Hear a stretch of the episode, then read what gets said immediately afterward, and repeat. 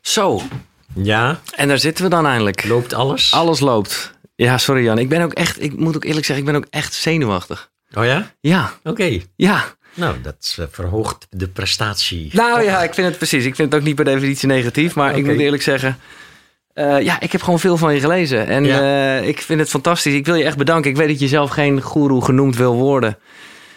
Ja. Maar ja, een leraar ben je wel. En ik moet zeggen, tussen alle moeilijke boeken...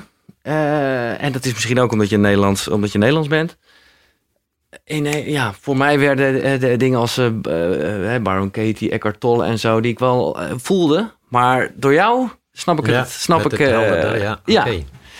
Ehm, en ik vind het een fantastisch verhaal. Je bent, je, ja, ik, ik zeg het gewoon, eh, ik zeg, je bent 70. Bijna. Bijna 70. Ja, Ja, ja. dat is toch, eh, ja, hoe, hoe ervaar je dat zelf? Vind je dat een, eh, een ding of niet? is, eh, dat is wel een ding, ja. Ja, Ja. Ja, dat is wel een ding. Ouder worden. ja. Ja, het is niet voor niks dat de Boeddha al zei... de vier hoofdvormen van lijden zijn geboorte, ziekte, ouderdom en dood. Dus dat, ja, ouder worden heeft wel... ook zijn charmes wel, gelukkig ook. Maar eh, vooral fysiek is het wel eens... eh, Dat, eh, moet je af en toe wat slikken als je weer merkt dat er weer wat verminderd is. Ja, hè? ja, ja.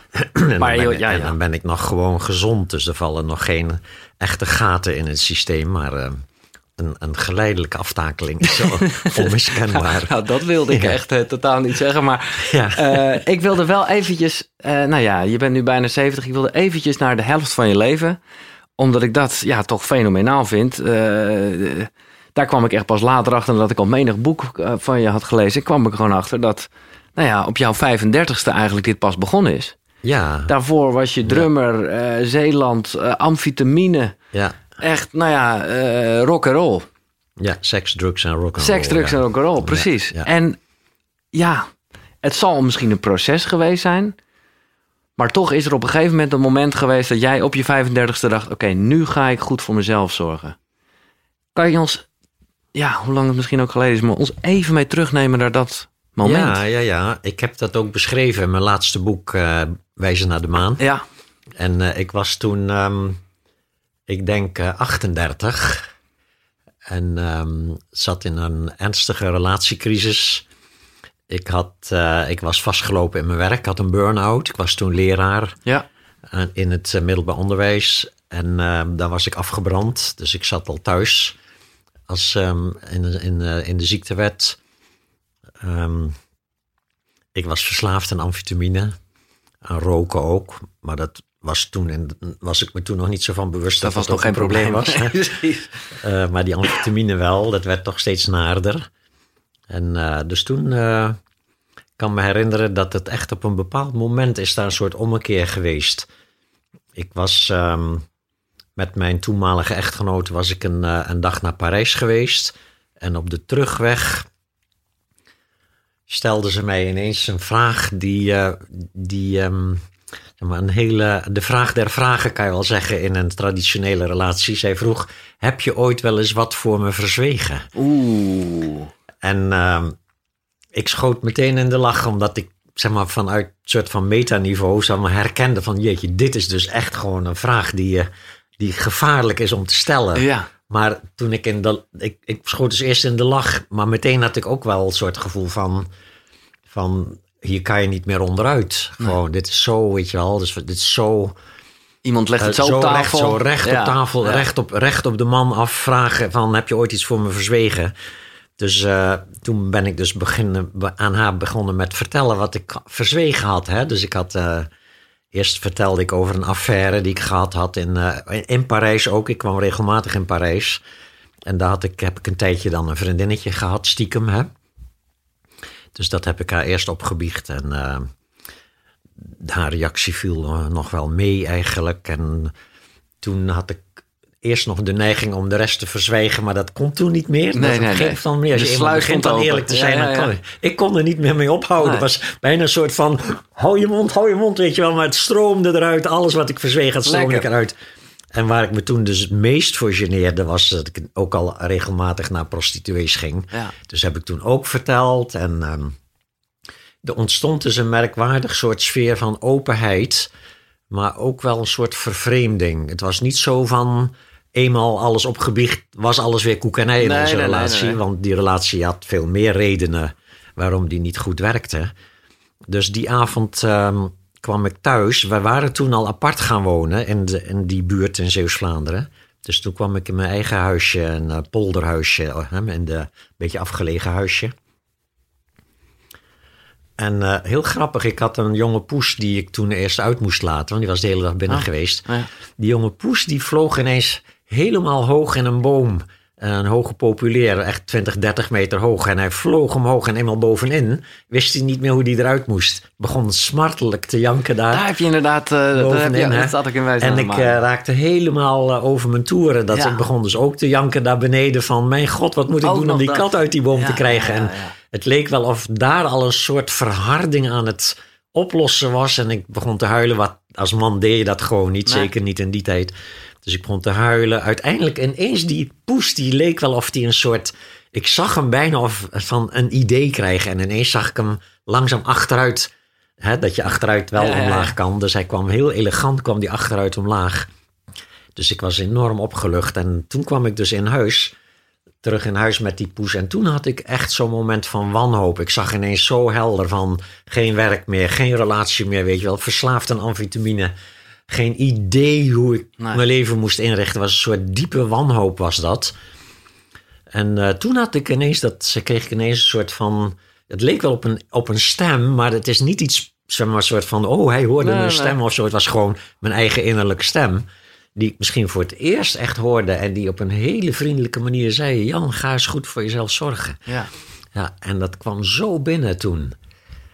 Dus toen ben ik meteen daarna, ben ik, eh, was al diep in de nacht, uh, toch nog eerst in bad gegaan. Een soort gevoel van ik wil nu schoon zijn. Ja, ik heb ja, al mijn amfetamine door de pleeg gespoeld. En ik was er ook echt van overtuigd, dat doe ik nooit meer. Dus de dag daarna met een gesprek gehad en met mijn toenmalige echtgenoot besloten om uit elkaar te gaan. En Ja.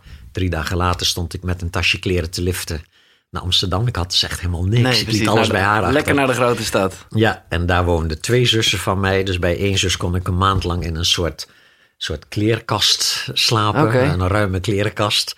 Had ik mijn eigen plekje. En daarna kwam er bij die andere zus een soort appartementje vrij. Waar ik dan twee jaar gewoond heb of zo. En, maar eigenlijk vanaf dat moment is, is ik zie dat echt als een soort ommekeer. Ja. Van echt maar alles in mijn leven was erop gericht om te verdoven, om weg te lopen van mezelf, om te ontkennen, weet je wel, van gevoelens wegdouwen en zo. En eens was dat totaal vastgelopen. Maar dat is een mooi eh, besef. En dit, dit, hè, dit is inderdaad het moment dat je dat realiseert. Alleen, wat ga je dan doen? Wat ga je lezen? Wat voor cursussen ga je doen? Of, of... Ja, ja, bij mij ging dat allemaal vanzelf. Ik kwam in Amsterdam. Ik was toen al in de nadagen van zeg maar die relatiecrisis was ik al aan het, aan het computeren. Ik had een Ja, ja. computer gekocht en in die tijd was dat nog iets nieuws. Hè? Ja. En, eh, ik, natuurlijk, en ik vluchtte dus uit de relatie in het computeren. Dus Tuurlijk. razendsnel had ik allerlei dingen ontdekt die nog niet zo algemeen bekend waren. Met name in het automatiseren van tekstverwerking had ik een soort, soort van uitvindingje gedaan. Oké, dat, je, dat, je, zeg maar, dat je allerlei teksten kon automatiseren. Dus toen ik eenmaal in Amsterdam was, eh, dacht ik, daar moet ik iets mee doen. Ik had het een keer aan iemand laten zien en die zei: hey, nee, dat bestaat nog niet hoor, daar kan je geld mee verdienen en zo. Ik denk, oh, dat wil ik dan wel eens proberen. Dus eh, ik ging naar een uitgever in Amsterdam. Ik zei: van, Ik heb hier een idee, ik wil daar een boek over schrijven. Eh, ga je, wil je dat uitgeven? Dat was oké, dus ik schreef daar een boek over. Over eh, macro's en WordPerfect. ja, eh, ja, heette ja, dat ja, toen. ja. Oh, macro's. Ja, Ja, macro's en WordPerfect. En Ja. eh, WordPerfect was toen nog de, Dat was het de ding. tekstverwerker. Ja, hè? dat weet ik ook nog wel, ja. Ja, en dus dat boek kwam uit en met dat boek stapte ik naar het grootste computertijdschrift in Nederland, PC Magazine. Ik Ja. zeg van, ik ben specialist op het gebied van macro's, kan ik voor jullie een rubriek schrijven oké, elke maand? Dat waren ze mee akkoord, dus ik schreef elke maand een rubriek over macro's. En, eh, Maar goed, dat is- en dat is gewoon no heel- time liep alles weer. Ja, alles dan liep- liep je leven. stroomde, weet je wel. Want er kwam geld binnen en Ja, dat begrijp ik, maar dat is nog niet. Ik bedoel, dan zou je op zich makkelijk weer kunnen verzanden in allerlei Ja. ego-dingen. Ja, En op- absoluut. dat was gewoon helemaal ego. Ja, hè. Het, was nee, een soort, het was een soort gezond worden van het ego. Ja. Ja, ik ging wat beter Gezonder dan, functioneren. ja. Ja, een beetje Maar- functioneren. Maar hoe kwam je, wie, wie, wie inspireerde jou? eh, wat ik zag, en ik, ik, ik moet zeggen, ik ken het niet zo goed. Mijn gevoel is er een beetje nou laat ik eerlijk zeggen, negatief bij. Omdat, omdat ik voor mijn gevoel is het een soort Scientology. Maar dat, dat weet ik oprecht niet. Dus Ja. daar zal ik daar geen oordeel over hebben. Maar de, de- dat je nog een eh Essence cursus gedaan De hebt. Essence. De Essence ja, cursus. Ja, ja, ja. Ik kwam dus in eh, 1995 kwam ik daar terecht bij de Essence. Zomaar via vrienden die zeiden van dat moet je eens een keer gaan doen. Dat En is, dat, eh, dit, dit, dit is nog een beetje de tijd waarin we zitten nu, toch? Of is dit later? Ja, nee, dit is Dit tijd is van dat ik in Amsterdam, Amsterdam woonde. eh, dat mijn automatiseringspraktijkje Ja, ja, ja, liep als een trein. En dat ik eh, geld genoeg had. En, Ja. En die mensen zeiden van, eh, je moet die cursussen gaan doen. Hartstikke leuk, weet je wel. Helemaal niet zo van, je moet eens gaan werken aan jezelf Nee, of nee, zo. nee. Maar gewoon van, ga eens, iets- doe eens iets geks. Ja, Weet je wel, vijf dagen lang word je gewoon helemaal door elkaar gerutteld. En, Ja. ja, en eh, dus ik ging daarheen. En ehm, daar eh, ben ik zeker drie jaar gebleven in Oh, die club. really? Eh, eerst, je kan dan tegen betaling kan je dan zo'n cursus doen. En dan heb je nog een vervolgcursus die je ook moet doen. En daarna kon je als assistent meehelpen in die training. Daar hoefde je niks voor te betalen. Nee. En dan kreeg je ook nog een extra training erbij, als het ware. Maar dan moest je ook oefeningen doen samen met de deelnemers. In tweetallen en dat soort dingen. En, eh, en daar zat een heel... Daar zat ook een heel ehm, ontwikkeltraject in. Dus je begon met een simpel taakje. En dat, eh, daarna, de tweede keer, kan je wat meer verantwoordelijkheid. En dan na een aantal keer was je training supervisor. Nee, weet je wel. Dus je Moest bent er wel een- positief over. Ja, Het was wel, ja, ik ben er heel positief Ja, over. ja, ja. En, eh, en natuurlijk, ik weet dat ze daarna heel erg slecht in de publiciteit gekomen zijn. En dat een aantal aspecten in een, in een beetje een naar daglicht zijn komen te staan. En ik vind ook wel dat de mensen die die training gaven... daar ook weer heel slecht op gereageerd Ja, hebben. ja, ja, ja. En eh, dus dat is waarom het zo in een kwaad daglicht is terechtgekomen. Maar Het is vooral heel psychologisch, denk ja, ik, het of was niet? gewoon een, was een, een, een psychologische training. Geen Ja, spirituele nee, training. precies. Het ging gewoon over eh, waar liggen je blokkades, Ja. hoe komt dat en hoe kan je er overheen komen. Nou ja, goed begin, toch? Ja, gewoon een training, een persoonlijkheidsontwikkeling. Ja. Ja, gewoon ja, een ja. beetje een chakra-training Ja. ook. Zo van, ga ervoor, weet je wel. Tegenwoordig heb je ze nog steeds Nee, ook, nou, weet heel wel. erg. Wat is je mission statement, weet je wel. Zet jezelf in de wereld, dat soort dingen. Hè? Dus dat soort trainingen. Ja. Zo eentje was dat er dus ook. Ja. En alleen met dat hele circuit van dat je zonder dat je iedere keer hoefde te betalen, kon je iedere keer meehelpen in die training als assistent. En Ja. kreeg je een soort opleiding en leiding geven en zo. Maar wat leerde je in die tijd het meest als het gaat om psychologie en dus ook bij jezelf? Dat je dacht van, oh, Oh, ik leerde mijn, eh, mijn, mijn ego-patronen kennen. Hè? precies. Nee, het belangrijkste patroon, het nice guy patroon. Hè? De nice guy is iemand die bang is voor conflicten. Ja. En dus alle conflicten uit de weg gaat en altijd vriendelijke gezichten trekt. Vooral als het een beetje spannend wordt, dan Ja. haakt hij af Ja, en hij ja, laat een beetje over zich heen lopen. En in relaties zegt hij altijd, zeg jij maar wat we gaan doen, weet je wel. Dat soort dingen, hè? Oké, dus dat leerde je. Ja, en daar leer je dan in eerste instantie leer je dat zien van jezelf, maar met een enorme gêne. Ja, want dat is in feite het ego leert zichzelf kennen, maar Ja. het ego is oordelen. Ego Ja. is dit moet en dit Ja. mag niet, weet je wel. En dus krijg je een sterke drang om van dat patroon af te komen. Dus ik ging keihard trainen in assertiviteit en eerlijkheid en directheid, weet Ja. je wel. En dat kon je daar dus leren ook. Elke Ja, keer als je ja. daar aan een training meedeed, dan moest je je eigen goal op de muur schrijven, weet je wel. En, eh, en dan moest je dan heel weekend aan werken, aan je directheid en Ja. aan je assertiviteit. Maar ja, je komt een beetje in een soort mindfuck, omdat je ego wil dan strijden tegen zichzelf. Hè? Dus ja, dat is een rare... Ja, dat is, daar, zit, daar, zit, daar zit nog steeds zelfafwijzing in. Dat is waarom het ook nog steeds ego is. Ja. Maar je kunt evengoed wel werken aan een iets beter functionerend ego. Dus het ego definieer ik als alle, zeg maar, die hele mentale constructie die erop gericht is om liefde en erkenning van andere mensen te krijgen. Ja. Ten einde daar een gevoel van eigenwaarde aan te ontlenen. Hè? Dus je eigenwaarde wordt altijd ontleend Ja. aan anderen en omstandigheden. Geld verdienen, weet je wel, relaties, leuk gevonden worden, aardig gevonden worden, dat soort dingen. Succes en zo. En natuurlijk, eh, je hebt ego's die daar beter in zijn en andere ego's die dat minder geleerd hebben van huis uit. Dus dat, dat is naar mijn idee waar psychologie over gaat en waar persoonlijkheidsontwikkeling over gaat.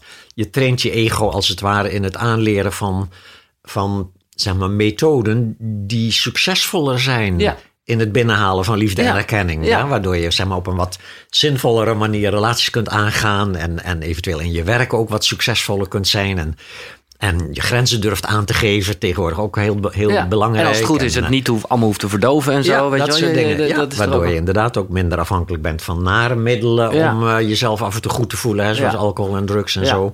Dus er niks verkeerds over Nee, persoonlijkheidsontwikkeling. Maar het blijft wel ego, dat ben ik met jij. Ja, En, en eh, was dat vanuit die kennis dat, eh, dat jij ook ineens bedacht... hè, toen, wilde je, eh, toen wilde je stoppen met roken? Want je, toen rookte je nog wel Ja. dan, denk ik dus. Ja, ik Nee, want, dan gaan we naar je Dat, had, eerste dat had inderdaad met die trainingen te maken. Ja. Ik was weer vlak na zo'n training heb je meestal toch een enigszins een soort euforisch gevoel. Hè? Ja. Je bent vijf dagen lang bij je hartstikke lekker bezig Eh, geweest. Ja, ik heb, eh, En toen kreeg ik ook ineens door van... Ik ging bijvoorbeeld in die pauzes van die training... Had, ging ik dan toch roken buiten uiteraard. Je moest daar naar buiten al in die tijd. En, eh, en dan kreeg ik ineens door van... Ik voelde me waanzinnig goed. En vervolgens ging ik buiten roken. En toen Ja. voelde ik me iets minder goed. Ja, ja, ik denk, wacht even. Waarom doe ik het dan? Als het resultaat is dat ik me minder goed voel dan daarvoor. En toen viel het dubbeltje dus als het ware... Die had je toen ook nog dubbeltjes. Een soort van, Het is het nee, viel wacht het even, dus, dus Het het, is is het helemaal kwartje, niet iets maar- leuks waar je mee moet ophouden Nee. omdat het ongezond is. Het is, is iets gewoon niet leuk. helemaal niet leuk, Nee. weet je wel. Toen zag ik dat, dus ik stopte ermee en dat liep ook zo lekker, weet je wel. Ik was zo blij ermee. Van dag één geen enkel probleem. Dus en toen kwam dat idee. Ik vertelde dat aan een vriendin die ook een kettenrookster was. Ik, zei, ik vertelde erover en ze zei: Jemig Jan, ik zou bijna stoppen met roken als ik je zo hoor. Waarom ga je geen mensen van het roken afhelpen? ja. En ik was toen al een beetje in een opleiding ook om trainer te worden. En, Ah. en in die opleiding werd je, van, werd je zeg maar, erg gestimuleerd van maak je eigen training. Ja. Ja, ga, begin maar gewoon, Oké, oké. weet je wel. Dus Ja, toen heb ja. ik eh, een stop met roken training gemaakt. Op 1 januari 1996 geloof ik, was de eerste keer dat ik hem gaf. Met moeite twaalf mensen bij elkaar geschraapt. Ja. En een dag, eh, dag eh, training gegeven. En zo kwam van het een het ander. Hè. Dus, eh, Vertaald dus dat liep en, vrij eh, snel, ja, liep dat heel erg goed. Ja. Heb ik een jaar lang, zo eens in de twee weken, gaf ik dan zo'n training aan een club van pakweg 30 mensen. En eh, toen heb ik daar een boek over geschreven. Hè. De opluchting heet dat boek, Ja. over stoppen met roken. En afijn, vanaf dat moment kwamen er telkens weer boeken. En, En die, maar precies, en dat vind ik het mooi. Daarom begin ik ook eh, daarmee. Omdat je, ik heb het een beetje verkeerd omgelezen ongeveer, maar dat maakt ook niet zo uit. Maar je voelt gewoon heel erg dat uiteindelijk dat stoppen met roken, dan wordt het wat, wat universeler, de verslaving voorbij. Ja, Dan eigenlijk kom je erachter dat, eh, even los van, van de opvoedingsdingen waar we het nog over gaan hebben, maar dan Ja. komt verslaafd aan liefde en verslaafd aan denken. Ja. Eigenlijk wordt het steeds groter. ja, eh, en dat waren gewoon inzichten die jij ja, aan de hand van je... gaandeweg. Ja. Ja. Dus ja, dus in het stoppen met roken boeken had ik nog geen contact met de spirituele Nee, oké. eh, input. Nee, precies. En, maar dat kwam dan kort daarna. En de verslaving voorbij heb ik toen al heb ik geschreven in dat boeddhistische retraiteoord in Zuid-Frankrijk. Waar ik verder nog niet zo heel veel van spiritualiteit wist. Maar ik zat daar vooral ook omdat het gezellig was. En, Ja, ja, ja. Nou ja. Maar daar zat toch al iets weer iets meer in. Hè? En uiteindelijk het, zeg maar, het hele idee wat toen ontstond... is dat al die verslavingsmechanismes gebaseerd zijn op een nog dieper verslavingsmechanisme. En dat is de verslaving aan ons aangeleerde zelfbeeld, het Precies. ego. Hè? de, de, de Ja, zelfafwijzing. en dus ook verslaafd zijn aan zelfafwijzing, aan gedachten over Ja. jezelf en dat soort dingen. Ja. Dus eh, ja, dus dat eh, geleidelijk aan, zeg maar, mede door die spirituele lessen die ik daar ook elk jaar Ja. ging volgen in Zuid-Frankrijk, ontstond dus een steeds helderder beeld van hoe mensen functioneren. En, het, en dat, dat het woord verslaving dat telkens in terugkomt, dat heeft natuurlijk alles te maken met dat ik dat zelf geweest ben ook. Ja, ja, ja. En ook dat mechanisme heel erg herken. Dat mechanisme is in, in wezen is dat je oplossing voor een probleem is in feite ook de versterker ervan. Ja. Dus je hebt een naar gevoel, je ontdekt een oplossing, ja, drugs bijvoorbeeld, of een fles wijn, ja. En die oplossing voor dat nare gevoel versterkt het nare Exact. gevoel. Niet meteen natuurlijk, want dan nee. zou je meteen na je eerste fles drank zou je ermee ophouden. Ja. Nee, het lijkt even te helpen. Ja. Je voelt je wat beter. en dan als het middel het- uitgewerkt is, kom je in een dieper laagje Exact. zelfafwijzing terug. En moet je dus weer een fles wijn hebben of een, een snuif kopen Ja. of wat dan ook. Maar dit en is, dat, dit en is dat zo mechanisme, mooi. Hè, dat mechanisme, dat kom je in alle, alle geledingen terug. En dat is niet alleen bij drugs, maar dat zie je ook in relaties. Je Ja. bent bang om je partner te verliezen. En je gaat dingen doen om die angst toegedekt te houden. En die Ja. dingen maken dat je de kans weer vergroot dat je partner op een dag bij je vandoor gaat. Of jij bij je partner er vandoor gaat. Nee, het is, ik vond dat zo Ja, mooi omschreven voor mezelf. het zo. probleem, ja, creëert en vergroot het ja, probleem. het hè? is een soort, soort, soort kuil die je graaft... waarvan je dan even denkt dat die dicht is... maar terwijl Ja. die een soort nep dicht is... ben je een dieper kuil aan het graven en zo gaat het maar door. Ja, en dat is dus eigenlijk ook de meest fundamentele boodschap van de Boeddha en van allerlei andere spirituele stromingen. Zij dat het daar dus wat meer verpakt is, vaak in traditionele termen. Over zeg maar, de geest is versluierd. En we doen allerlei dingen om gelukkig te zijn die eigenlijk het geluk verknallen. En we doen allerlei dingen om van ons lijden af te komen die het lijden verlengen. Ja. Maar, eh, dus dat is in feite wat, hetzelfde, maar dan in een hele traditionele Ja, ja, formulering. Dat is hoe de Boeddha het zei. Nee, en jij hebt het dan wat meer op verslaving gegooid. Wat ik helemaal goed Ja. vind, omdat we dat allemaal wel... Ja, dat kennen we en, eh, meer, Dat hè? maakt het lekker, eh, Ja, ja. dicht bij huis, hè, dat je... Maar het is wel zo, en ik bedoel, ik, wil mensen natuurlijk vooral aanraden om die boeken te lezen op het moment dat je ermee speelt. eh, of dat, dat je ermee zit. Maar ik vind het frappant dat er hele grote instituten zijn. Noem een AA, noem hem, nou ja, allerlei, eh, nou ja, nobele instellingen die bezig zijn met verslavingen.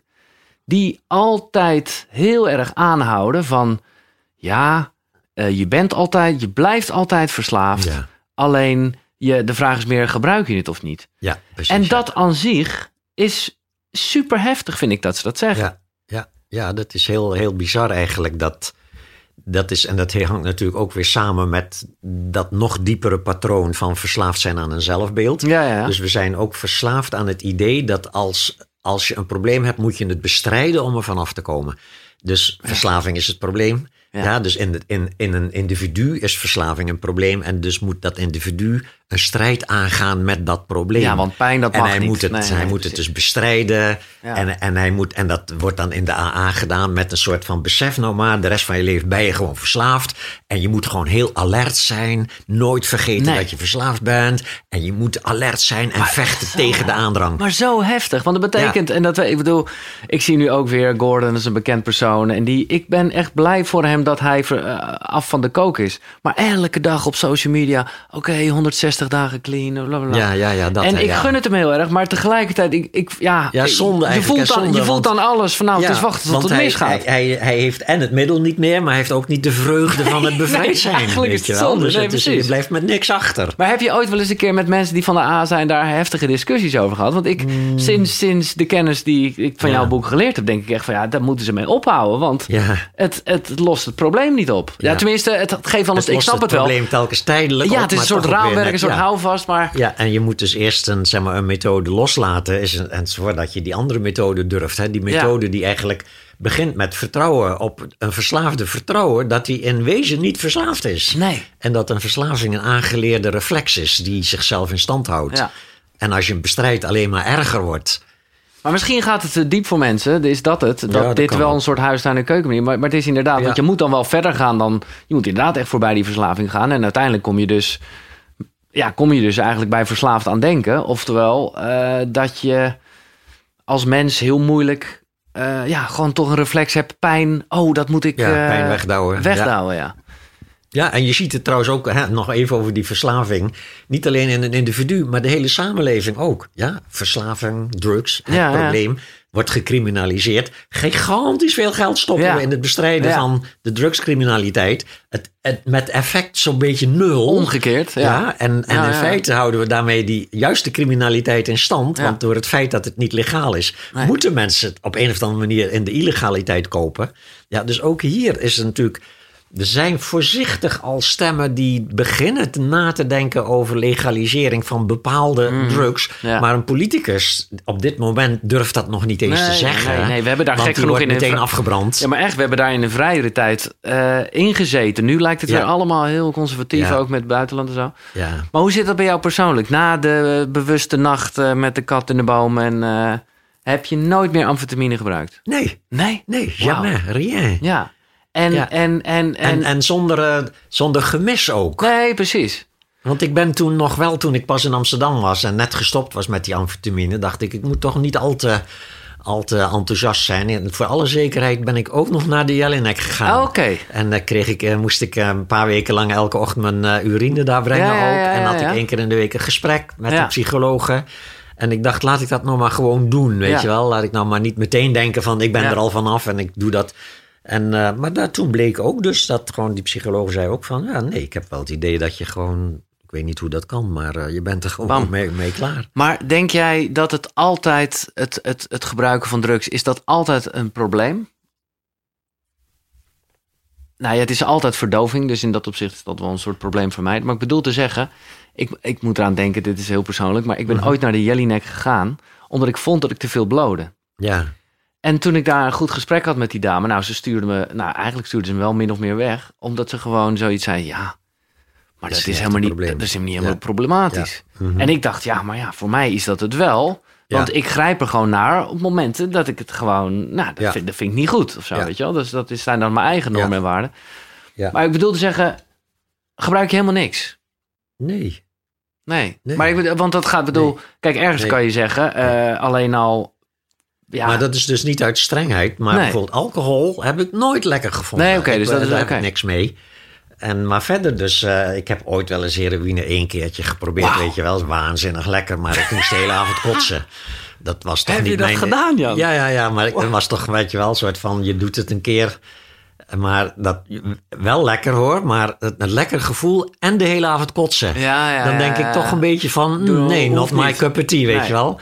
Dus eh, ik heb zo'n beetje alles geprobeerd en... ehm, Maar kijk, eh, eh, dat, dat snap ik allemaal met de, de wat echt meer synthetische dingen. Maar ergens, nou, we zitten hier aan een gezellig kopje thee met cacao, met, met een lekker chocola. chocolaatje, ja. Ja, ik bedoel, hoe... Oh, daar zit nog wel. ik heb nog wel eens de neiging om dan. Weet je Ja, wel, als er zo'n bak met heerlijke bonbons daar staat, dan neem ik er één en nog eens één en nog eens één. ja. En zo, dat wel, ja. Maar Nee, dat- omdat ik gewoon eh, bijna denk, waar, waar, waar, dat vind ik zelf soms lastig. Omdat ik gewoon dan helemaal heel clean en zo. Ja. Maar ja, dan merk je dat oh, iets van suiker of iets van eh, chocola. Of in, in die end is het wel een boost van, van ja, toch je gedachten. Zijn er toch ook...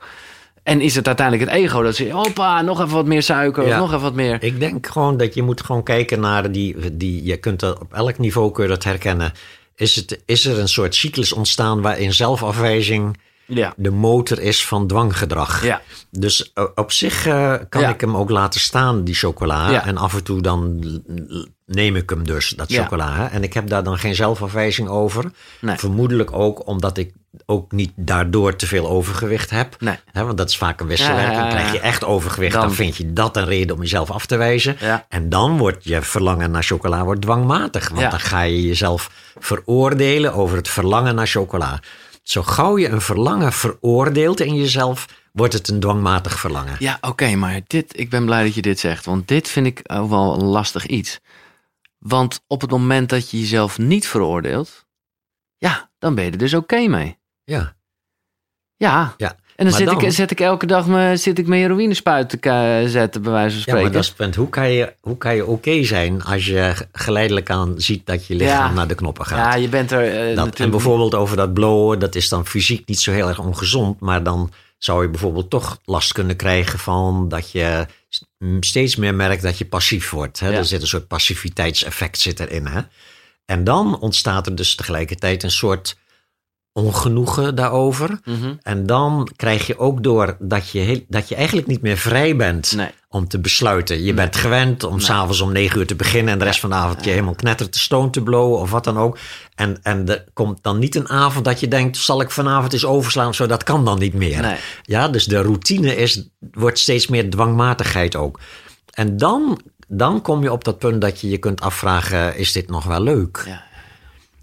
Nee, je kan ook niet tegen jezelf liegen hoor. Dus in dat opzicht Ja. is dat een soort houvast. Terwijl ik, dit is niet, eh, ni- niet a priori, zeker bij hash en, eh, en wiet Nee. en zo, is in zichzelf niet zo heel erg ongezond. En, eh, en ik ken mensen die ja, dat af en toe dan eens doen, weet je wel. En dan gaan ze gezellig muziek maken met elkaar, roken ze Ja. een joint en dan hebben ze wat extra plezier en zo. Dat is natuurlijk geen enkel probleem dan. Nee. En dan daarna is het ook, he- er zit geen dwangmatigheid Nee, dan is achter. het, maar heb je dat zelf helemaal niet meer? Want juist de, de muzikus in je... Nou ja, je hebt dus echt wel geestverruimende tijden gehad. Soms is het toch ook wel eventjes lekker om te zweven, zo laat ik het zo zeggen. Ja, ja, ik weet niet hoor. Ik zweef eigenlijk al door mijn beoefening. Ja, Ja, dus Nee, als nee, ja. zweven klinkt nog een beetje eh, transachtig, maar dat, dat behoefte aan helderheid, behoefte aan totale ontspanning, dat, eh, dat krijg ik wel via de beoefening. ja. Ja, en, en ik heb overigens wel, ik ben wel nieuwsgierig naar dingen. Ik Ja. heb een paar jaar geleden nog eens echt eh, bijvoorbeeld in de, gedoken in die eh, Ayahuasca. DMT. Hè? Oh ja, dat dacht ik al, ja, DMT, ja. mee- 5 Meo DMT. Ja, En, ja, eh, ja. Daar een bijzondere ervaring mee gehad. Heb je de mannetjes Zo. gezien en zo? Nee, nee, bij Oh. 5 Meo DMT zie je helemaal niks. Oh, zie je helemaal niks, oké. Dat is, dat is meer bij ayahuasca en DMT. Daar Ja. krijg je visioenen. Ja. Bij 5 Meo DMT zie je juist helemaal niks meer. Mm, Maar blijf je wel gewaar. Ja, ja, ja. Het is een heel merkwaardige, Oh.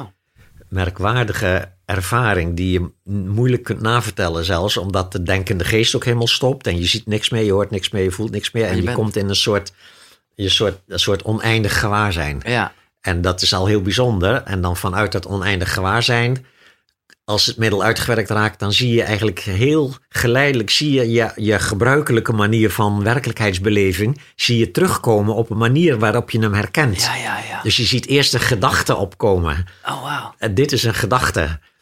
En dan zie je ineens een lichaam liggen, weet je wel. En vanuit het perspectief, zo van, je kijkt een beetje zo naar een soort van, je ziet dan een soort borst en been liggen, benen. Ja. En da- vanuit het perspectief trek je een soort rationele conclusie van, hé, hey, dat moet Dat dan wel ik. mijn lichaam Ja, zijn. Maar het voelt nog niet als zodanig. Nee. En dan krijg je ineens een soort beeld van je hele zelfbeeld. Een soort van al die patroontjes en al die Ja, ja. angstjes en hoopjes en vreesjes en opvattingjes die tezamen je zelfbeeld vormen. Dat je dat ineens ziet als Ja. een aangeleerde constructie. Zo is het buitengewoon verhelderend. Maar dat was één keer leuk. Dat was één, ik heb en- drie keer gedaan, maar dat Oh, was zo. Toen dacht ik wel, oké, nou weet ik het wel. Ja. Want eh, je kan daar ook weer niet echt zeg maar, verslaafd Nee. in de traditionele Nee, betekenis, nee, maar je kunt wel in een valkuil komen dat je je, je bestaan, je middelmatig bestaan af en toe moet onderbreken met zo'n hele extatische Ja, ervaring. ja, ja, ja. Dus dat is natuurlijk met ayahuasca eh, zie ik dat ook wel bij mensen. Ik heb dat nooit gedaan. Het, ik zou dat echt ooit wel willen. En ik heb dat DMT dus wel gedaan. Dus dat, nou, dat is Ja. een soort onderdeel ervan. Maar dat er heel veel mensen zijn, of nou, niet heel veel, maar een aantal mensen zijn die dat gewoon om de zoveel tijd ook weer Ja. nodig hebben. Ja, als een soort vakantietje van een saai leven. hè? ja, ja, ja. Ja, en dat is dan eh, een soort valkuil. En je hebt Dan ook mensen die, die denken dat het, de ervaring die je hebt tijdens ayahuasca-gebruik... dat dat een soort verlichting is. En dat dat dus is wat je moet zien te bereiken als permanente manier van ervaren. En dus dat is vaak ook een reden waarom ze dan elk weekend Ja, ja, dan weer opnieuw ayahuasca gaan gebruiken. In de hoop dat ze het ooit Dat ze erin blijven hangen. Dat je erin blijft hangen. Hè? Maar, maar dat is natuurlijk helemaal... Dat, ja, dat, zo werkt het niet. Dat is niet wat verlichting nee, is. Nee. Nee. En tot zover deel 1 van het gesprek dat ik had met Jan Geurts. Wat een gast. En wil je de hele video hiervan zien? Ga naar de website. Ja, koekeroe.nl. Dit was voornamelijk over Jan persoonlijk. De volgende keer gaat het uitgebreid over het ego. Echt super interessant. Maar eerst wens ik jou en je ego eh, een hele fijne dag. Zonnegroetjes.